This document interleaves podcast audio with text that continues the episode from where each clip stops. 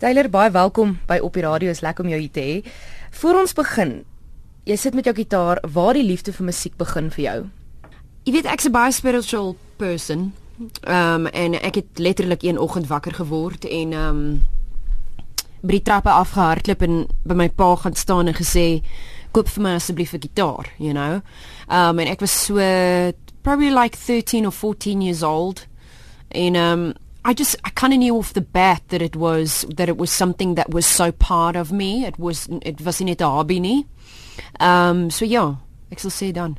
Dit is toe jy besef dat jy wil gitaar speel en musiek maak. Jou stem, jou unieke unieke sangstem. Waar het jy besef dat jy jy kan sing? Weet jy, ek het eers geweet ek het so stem toe ek begin sing het, nie? Ek dink hoe meer shows ek gedoen het, hoe meer was ek like, "Oh, I can do this" en ek kan 'n falsetto doen en ek kan, you know, um so ek dink hoe meer shows ek gedoen het, the more I discovered who I was as a vocalist. Um so is iets wat jare gevat het voordat ek hierdie uh, authentic stem ontwikkel het. En toe jy nou besluit het jy gaan jy gaan nou sing en gitaar speel, jy altyd geweet dis wat jy gaan doen vir die res van jou lewe. Weet jy ja, en ek was like if this doesn't work out, I'm screwed. so, that was it. Kom ons gesels 'n bietjie oor jou jou album, jou nuutste album wat einde verlede jaar um was vrygestel en jy het besluit om dit oorsee te gaan opneem in Austin, Texas. Waarom? Hoekom het jy daai besluit gemaak? Weet jy, die hele ding het um it came about um I did the song with with a guy called Ed Kowalczyk, and Ed, he's the lead singer from Live, and Live just got back together because they were broken up at the time. And uh, Ed came to South Africa. We did the song together called Angels on a Razor. En toe hy hiernatoe gekom het vir sy vir sy solo album om dit te promote, um het ek nou obviously daai tour gejoin. En sy guitarist Zach Loy um en ek en hy het net baie goed deur weg gekom en hy was like who's producing your next album? And I was like well I don't have anyone. He's like well come to Austin. So dit het maar nou net so gebeur dat hy van Austin spesifiek vandaan af was jy weet. Um but it was a blast. Austin is a is a is a crazy energetic musikante waar ook al jy kyk is net 'n regte ja, great plek. Hoeveel tyd het jy daar spandeer? Het jy met al jou liedjies oorgegaan of het jy baie skryfwerk daar ook gedoen? Ja, was 'n paar weke gewees. Ek het I tried my best to be fully prepared for that trip. Jy weet ek wou nie in die studio ingaan en hom na oor wat ek tipe klank ek wou gehad het of um you know hoeveel songs ek op die album wou gehad het nie. Um and I did. I went in with tracks and I knew that Zach and I would sit down and then start like picking apart what song will make it onto the record, you know. En net om seker te maak dit was alles van dieselfde lap afgesny. So ehm um, maar which happens in good Taylor style, I found myself in studio writing so many new songs. So baie van dit was geskryf in Austin en baie van dit geskryf was geskryf hier. En hoe lank was jy daar? Ek was seker so 'n maand. Ja, so 'n maand van graft elke dag. Ja, was great geweest. Het die opneemproses maklik gegaan? Was daar daar waar dit bietjie moeiliker gegaan het as ander of het dit was dit one take save wag gehad ons? Ja. En en die joke was actually in studio it was that I'm one take Taylor which I was like quite like insecure about. I think any musician going into studio with new material, you just want to make sure that you want to nail it. Jy weet jy wil net this needs to be it, jy weet. En um So ek was bietjie insecure geweest, maar jy weet Zach Loy was so reassuring dat hy elke keer he came up with that nickname of One Take Taylor because a lot of the the vocal takes that you do hear on this record was een take geweest. Hmm. Vertel ons bietjie van die naam van die album Trust Part 1. Hoekom Part 1? Ek wou met die idee gegaan het dat dit 'n concept album was. Jy weet dit was 'n storie en een sang vloei in die ander in. Um I feel I really nailed that and yes there will be a part 2, but my thing is now all the new songs I'm writing is glad nie oor die mense wie ek het oor geskryf het in die eerste een nie. Which I guess is a take on life in itself, you know, if you really want to delve into it, life happens in seasons. Jy weet en ek voel daai part 1 was regtig 'n season vir my gewees waar ek ongelooflik baie van myself gegee het. En ek dink in part 2 hou ek vir die eerste keer in my lewe 'n bietjie terug en ek sit myself eerste, which is a nice feeling. Jy sê met jou gitaar voordat ons verder gesels, gaan jy vir ons iets speel? Yes, ek gaan vir jou 'n song speel van van daai nuutste album af. Um and it's called Avalanche. One, two. You think you know me? I got got news for you, you don't. You see, you messed us right, yeah.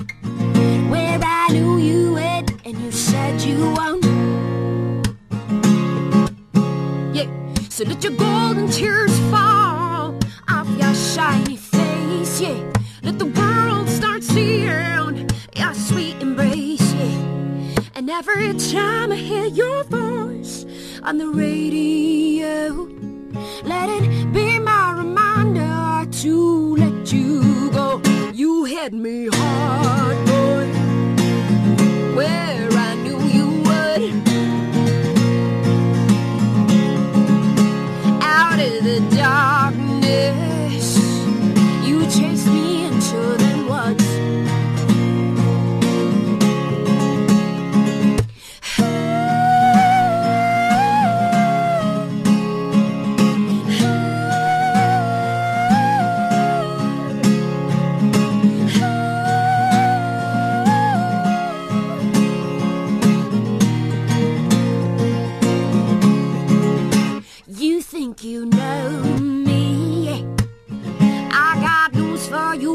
never did.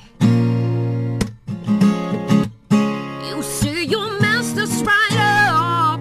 Mm, where I knew you would, and you said you won't.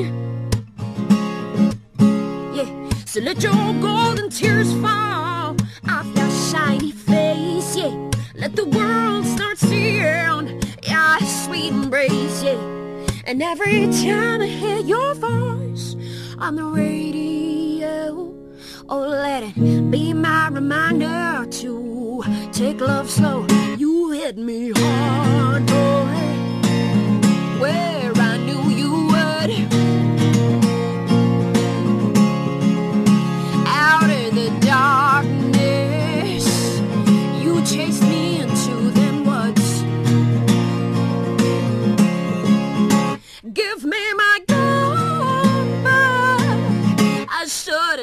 have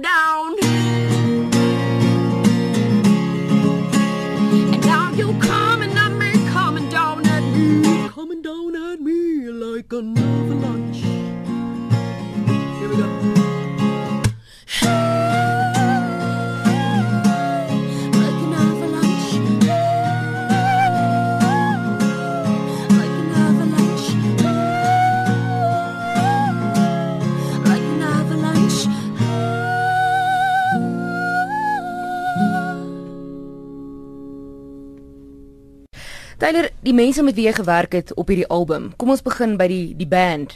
Is dit mense van daar of het, was dit baie minimalisties geweest? Um weet jy, was such 'n lekker experience geweest want ek het nog nooit met 'n uh, 'n volle band gewerk op 'n album nie, you know. En toe Zack Loy vir my sê nee, maar hy het al hierdie incredible musikante met wie hy my wil opboek. I was like, hell yeah, I've I've never done this process. So die oomblik toe ek land in Austin was dit musikante van oral af. Ek meen die resumes van hierdie mense was stupid geweest. Like Jy weet dis Axel wees like, ja man, Einar, which was the bassist on some of the tracks on this record. Einar was this guy, he he lives in Austin, maar hy um was Kelly Clarkson se bassist. Jy weet en dan die volgende ou wat inkom, inkom is die bassist van 'n band called Blue October. Die band wat ek nou actually mee gespeel het, um ek weet nie of jy die band Flyleaf ken nie. Mm. So die bassist van Flyleaf, jy weet kom in en speel vir jou. So dis dis vir dis vir is die norm, you know? Um so dit was the world was my oyster. ja, so baie van die musikante was van Austin af gewees.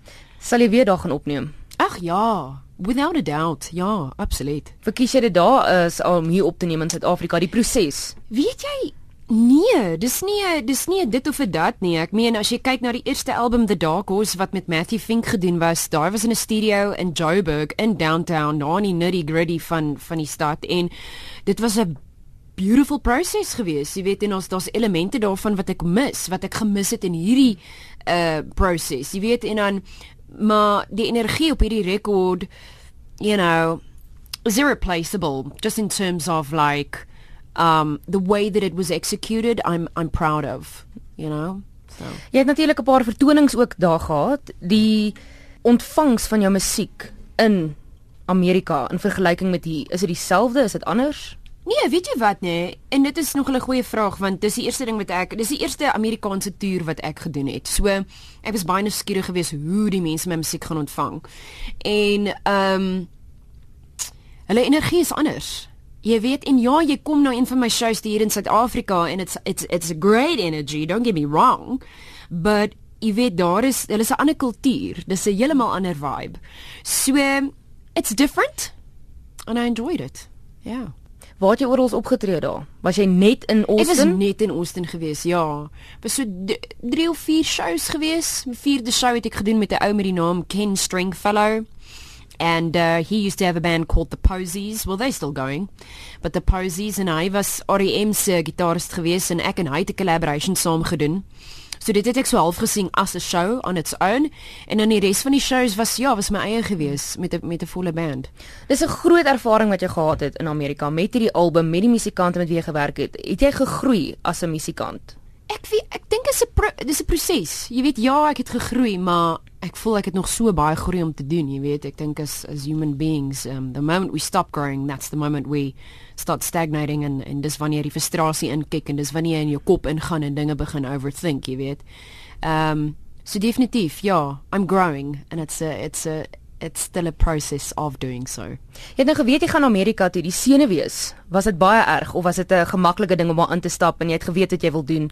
Gemaklik, net van. You know, ek kan easily so off switch en net 'n lekker tyd hê en en en hard werk. Jy weet, ek dink dis dis dis my ding en ek ek moet sê ek is nogal gefokus as dit kom by daai dinge. Ehm um, so die oomblik wat ek in Austin geland het, jy weet, you know, it's fun and it's it, it's great, but you must know when you like put your business cap on and when you put your play cap on. Mm. Um So ja, was exciting geweest. Vertel my 'n bietjie van die musiekvideo. Jy het twee musiekvideo's so, so uit van Trust en 1000 Miles. Trust, vertel my 'n bietjie daarvan. Dis net jy in die kamera, 'n bietjie van 'n Sinead O'Connor storie daar in die gang, net weet net jy en dis dis baie persoonlik. Ja, jy weet die hele konsep in ge, when it was born if you can put it that way. Ek het geweet ek wil 'n simpel konsep doen. Jy weet, because I wanted the music also to speak for itself. Jy weet, ek is nie 'n groot fan van storyboards en music videos nie. So ja, dit was vir my was slick and it was to the point in I think it really captures what I'm about, you know. Ek dink vir alles jy 'n show kom kyk, dis presies wat jy sing is daai raw emotion. Um ja. Ja. Waar kan ons luisteraars jou in die hande kry? Jy's baie aktief op Instagram, iewers anders. Ja, soos nou.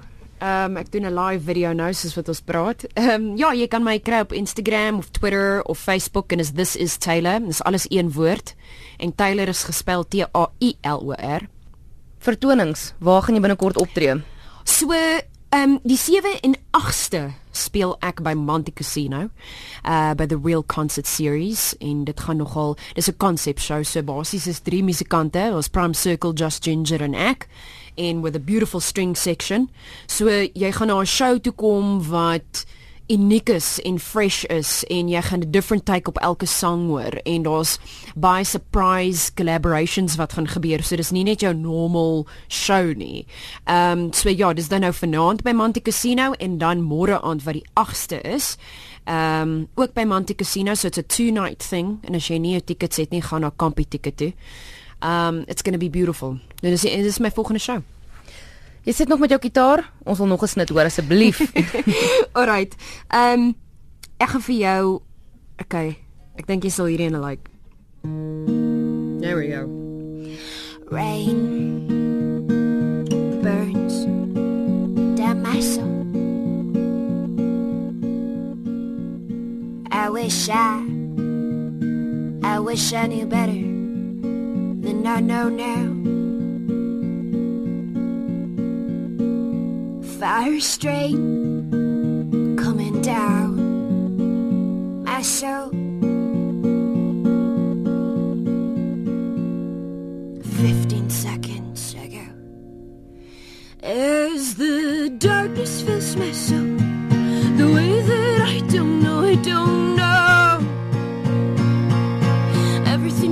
so, so, so. As the darkness fills